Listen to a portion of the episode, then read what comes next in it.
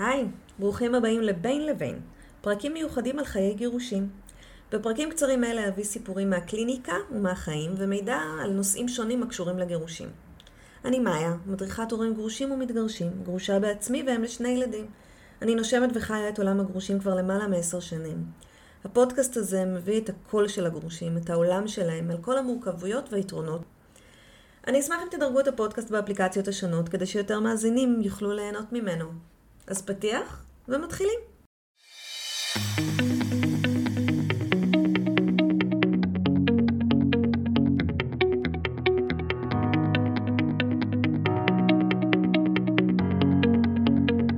היי, ברוכים הבאים לפרק הראשון של בין לבין.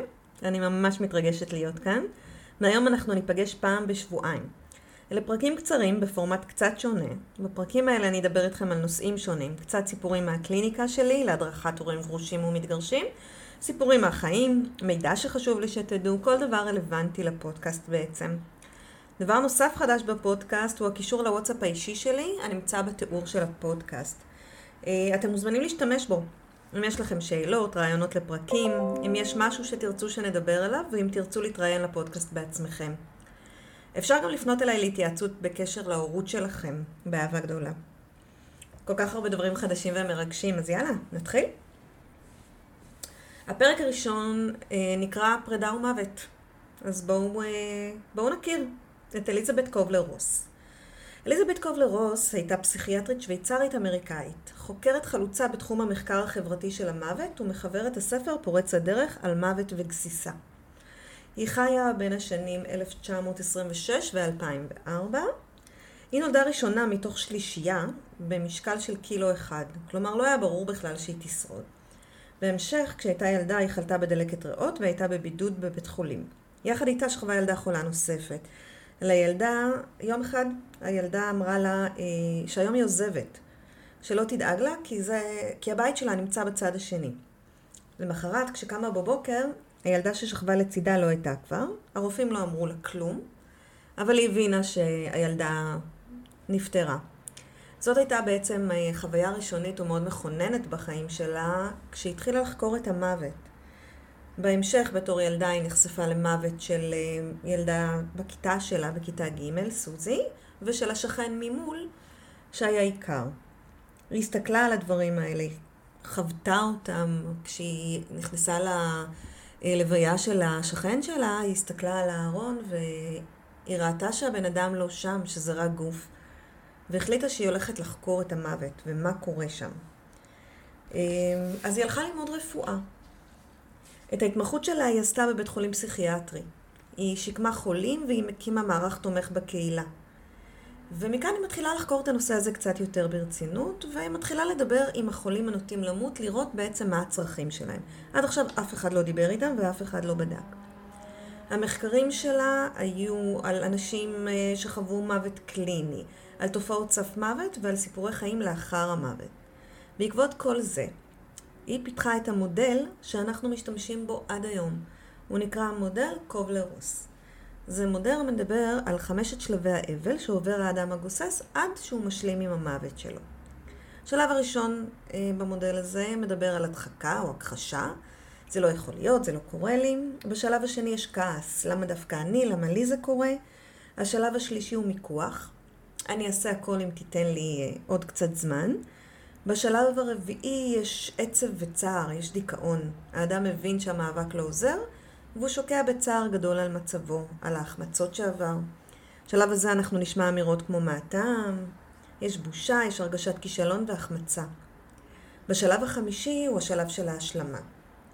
הוא מתבטא באמירות כמו יהיה בסדר, אני לא יכול להילחם בזה, אני אקבל את זה. היום דרך אגב מוסיפים שלב שישי שמדבר על ללמוד לחיות עם האבל, או לצד האבל. עכשיו למה אנחנו מדברים על זה? כי גירושים בעצם הם מוות. הם מוות של מערכת יחסים, של ציפיות ותקוות, של חלומות שהיו לנו לגבי החיים שלנו. זה מוות של תא משפחתי מסוים שהיה לנו, בסוגריים אני אגיד שזה גם בנייה של תא משפחתי אחר. אתה כבר לא תקרא לה אשתי, לא תקרא לך בעלי, משהו הסתיים כאן. גירושים הם גם התפכחות, אובדן הנאיביות. אנחנו לומדים דברים על העולם שלא בהכרח רצינו לדעת. גירושים הם המשבר הפסיכולוגי השני בחומרתו אחרי מוות של קרוב משפחה מדרגה ראשונה. כלומר, זה ממש משהו מאוד משמעותי שמטלטל לנו את החיים. וגם בגירושים טובים, גם בגירושים בהסכמה והדדיות והכל בסדר, אה, יש משבר ואובדן. בתהליך שלנו גם אנחנו נחווה את שלבי האבל. חשוב לי להדגיש שאין זמן קבוע לעבור כל שלב. כל אחד עושה את זה בקצב שלו. יש שייתקעו בשלב הראשון שנתיים, ובשני חמש דקות, ו- ויש כאלה שיעברו את זה ממש מהר. אין פה חוקים. כל אחד עושה את התהליך שלו, והכל בסדר. אז אנחנו, בתהליך שלנו, השלב הראשון שלנו כנראה יהיה הכחשה. זה לא קורה. הנישואים שלנו לא, לא מסתיימים. הוא או היא יקומו בבוקר ויבינו שזה לא, לא באמת קורה. אנחנו כאילו דוחפים את זה לאחורה של הראש ואומרים, לא קורה לי. לא, לא. מחר הוא יבין, חבל להקדיש לזה זמן, זה מיותר. זה לא, לא באמת קורה. לפעמים זה עובד לנו, לרוב זה לא. אבל בהמשך יגיע הכעס. הכעס יכול להיות על אותו בן או בת זוג, על הסביבה, על העולם. אנחנו נסתובב כועסים על העוול שנגרם לנו. הכעס יתחלף במיקוח בהמשך. אנחנו נתמקח עם אלוהים, עם בן הזוג, עם עצמנו. אלוהים, אני מוכנה להתחיל לשמור שבת אם תיתן לנו עוד זמן ביחד, הילדים כל כך קטנים, אני, אני לא רוצה לעזוב את זה. או אני מוכן לעשות כל מה שתרצי, אנחנו נלך לטיפול זוגי, אנחנו... מה שאת רוצה, רק שזה לא יקרה. אנחנו נחפש משהו או איזושהי דרך שאנחנו יכולים לשלוט בזה ולתת משהו תמורת משהו. פשוט כדי למנוע את רוע הגזירה. אחרי הוויכוח יבוא הדיכאון. אנחנו נבין שאנחנו לא מצליחים להתמקח, שהתשובה היא לא. ואנחנו נצטרך לקבל את, אה, את הגזרה הרעה הזאת, אבל יהיה לנו מאוד קשה עם זה. אז אה, אז בימים שהילדים לא יהיו אצלנו, אנחנו נמצא את עצמנו שוכבים על הספה ובוכים, רואים סרטים עצובים, לא רוצים לצאת מהבית, לא רוצים לפגוש חברים. אנחנו ניכנס למין מצב דיכאוני כזה, שבו בעצם נבכה, כי, כי באמת גירושים זה נורא עצוב. בית שמתפרק זה דבר עצוב. רק אחרי שעברנו את כל השלבים האלה, אנחנו נוכל להשלים ולהתאבל. להתאבל על הקשר שנגמר, על הציפיות שהיו לי מהנישואים, על הקושי שהילדים שלי יחוו, על הקושי שאני אחווה, על הבית שנחרב, על תקופת חיים שלמה ומשמעותית שהסתיימה. נורא עצוב כשמשפחה מתפרקת, גם אם הסיבות טובות ונכונות. אני רוצה להוסיף שלכל השלבים האלה שאנחנו עוברים, נוסף הפחד. פחד הוא אלמנט מאוד uh, גדול במשבר הגירושים. כי יש פחדים שהם פחדים קיומיים. קודם כל יש פחד כלכלי. אם עד עכשיו נכנסו שתי משכורות לבית אחד, עכשיו נכנס חצי מהסכום לשני בתים. אה, חלק אפילו פחות.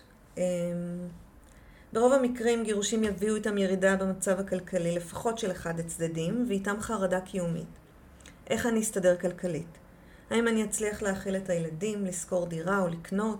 אני אצליח לשלם את החשבונות כל חודש, יהיה לי מספיק כסף לבלות, לקחת את הילדים לחופשות בחו"ל כמו שעשינו בנישואים. אבל באמת עוד לפני החופשות בחו"ל והבילויים יש פחד קיומי ראשוני. יהיה לנו איפה לגור? יהיה לנו כסף לאכול? האם אני אמצא את עצמי ברחוב? נוסיף לזה שעכשיו שעות העבודה הולכות להשתנות. מעכשיו אני אצטרך לצאת פעמיים בשבוע מוקדם יותר כדי לאסוף את הילדים. לא כל המעסיקים ישימו לזה, והרבה אנשים שאני מכירה פוטרו בעקבות המשבר הזה. גם עצמאים מתקשים לפנות את הזמן הזה כי יש להם אחריות מול הלקוחות שלהם. בקיצור, זה לא קל. אז מגיעים החיים האישיים. חלק מהחברים שלכם ניתקו קשר או בחרו צד, וזה לא היה הצד שלכם. החברים הנשואים לא יכולים לצאת איתכם לפאב באמצע השבוע, ואין להם את הסופאשים הפנויים האלה שיש לכם. ולפעמים החבר נורא רוצה לשבת איתך באיזה בית קפה או מסעדה, ו... ואשתו תעשה לו פרצוף בבית. כאילו. הוא מחפש עכשיו, מה, מה אתה עושה שם? זה לא, זה לא משהו שיתקבל בברכה אצל בני זוג נשואים. בגדול נוצרים הרבה הרבה ימים שאתם לבד. ומה עם ההורות? עד עכשיו הייתם שניים בתפקיד הזה, אז אחד יכול היה להיעדר. אחד יכול היה להיות נוכח יותר. האחריות התחלקה בין שניים, שנינו אחראים לילדים כשהם איתנו. אמ, פעם אחד יכול להיות השוטר הרע, ואחד הטוב, אחד סמכותי, אחד רק של כיף. עכשיו זה הכל אני. ואיזה הורה אני רוצה להיות?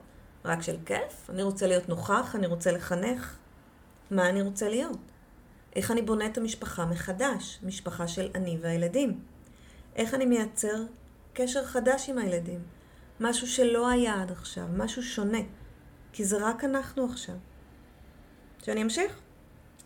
יש לחץ נפשי שגורם לבעיות רפואיות. לפעמים הלחץ הנפשי מציף, ואני אומרת לכם מכאן, לכו לקבל עזרה. אמ, כדורים לתקופה מסוימת, שיחות עם איש מקצוע, נורא נורא נורא חשוב. ההורים לוחצים שנעשה משהו אחרת ממה שרצינו לעשות, שידעו מי זה אבא שלהם, תתבעו, תעשו, ואתם לא, ואתם תקועים באמצע. ולפעמים אנחנו צריכים לעבור לבית של ההורים כי אין לנו כסף. ומה שהיה ממש נחמד בגיל 6, הופך למשהו מאוד לא נעים עכשיו. בתוך כל זה, אנחנו צריכים לזכור שיש ילדים שצריכים אותנו, והם צריכים אותנו חזקים ואמיצים, והם צריכים שלא נשתמש בהם לרעה, ושלא נשמיץ את ההורה השני שאנחנו שונאים כרגע, ושלא נשכח לשלוח איתם את הספרים ללימודים, ולא, נשלוח, ולא נשכח לקחת אותם לחוג, סליחה. וגם איתם יש בעיות בבית הספר שצריך לטפל בהם, ולפעמים הם חולים, ולפעמים הם ילדים עם צרכים מיוחדים שצריכים עוד התייחסות, ולפעמים הם צריכים חיבוק. וזה overwhelming, זה מציף אותנו, זה גדול. ביאסתי ממש, אני יודעת, אה, אבל בגדול אני, אני אעשה פה איזה טיזר ואני אגיד שהדברים האלה מסתדרים. שגרה נכנסת, ההורות משתפרת ממש, מוצאים אהבות חדשות ומלהיבות יותר, חוזרים הפרפרים של גיל 16. אתם יכולים לשנות את החיים שלכם, שיהיו טובים יותר ומתאימים יותר לכם. בגדול, אחרי הגירושים יש לכם הזדמנות להמציא את עצמכם מחדש. ולעשות דברים שטובים לכם ושאתם אוהבים. ההתחלה היא קשה. ההתחלה היא ממש ממש קשה. אבל לפחות אני רוצה לשים לכם כאן איזה אור בקצה המנהרה. כי באמת, יש למה לחכות. עד כאן הפרק הזה. אני מקווה שנהניתם. אני שוב מזכירה שאתם אה, ממש מוזמנים אה, לדבר איתי בוואטסאפ, או לכתוב אה, בקבוצה שלנו, ואנחנו נתראה בפרקים הבאים. אז ביי בינתיים. עד כאן הפרק שלנו להיום. אני אשמח לשמוע מה חשבתם עליו. שתפו אותי בוואטסאפ האישי או בדף הפייסבוק החיים הסודיים של הגרושים.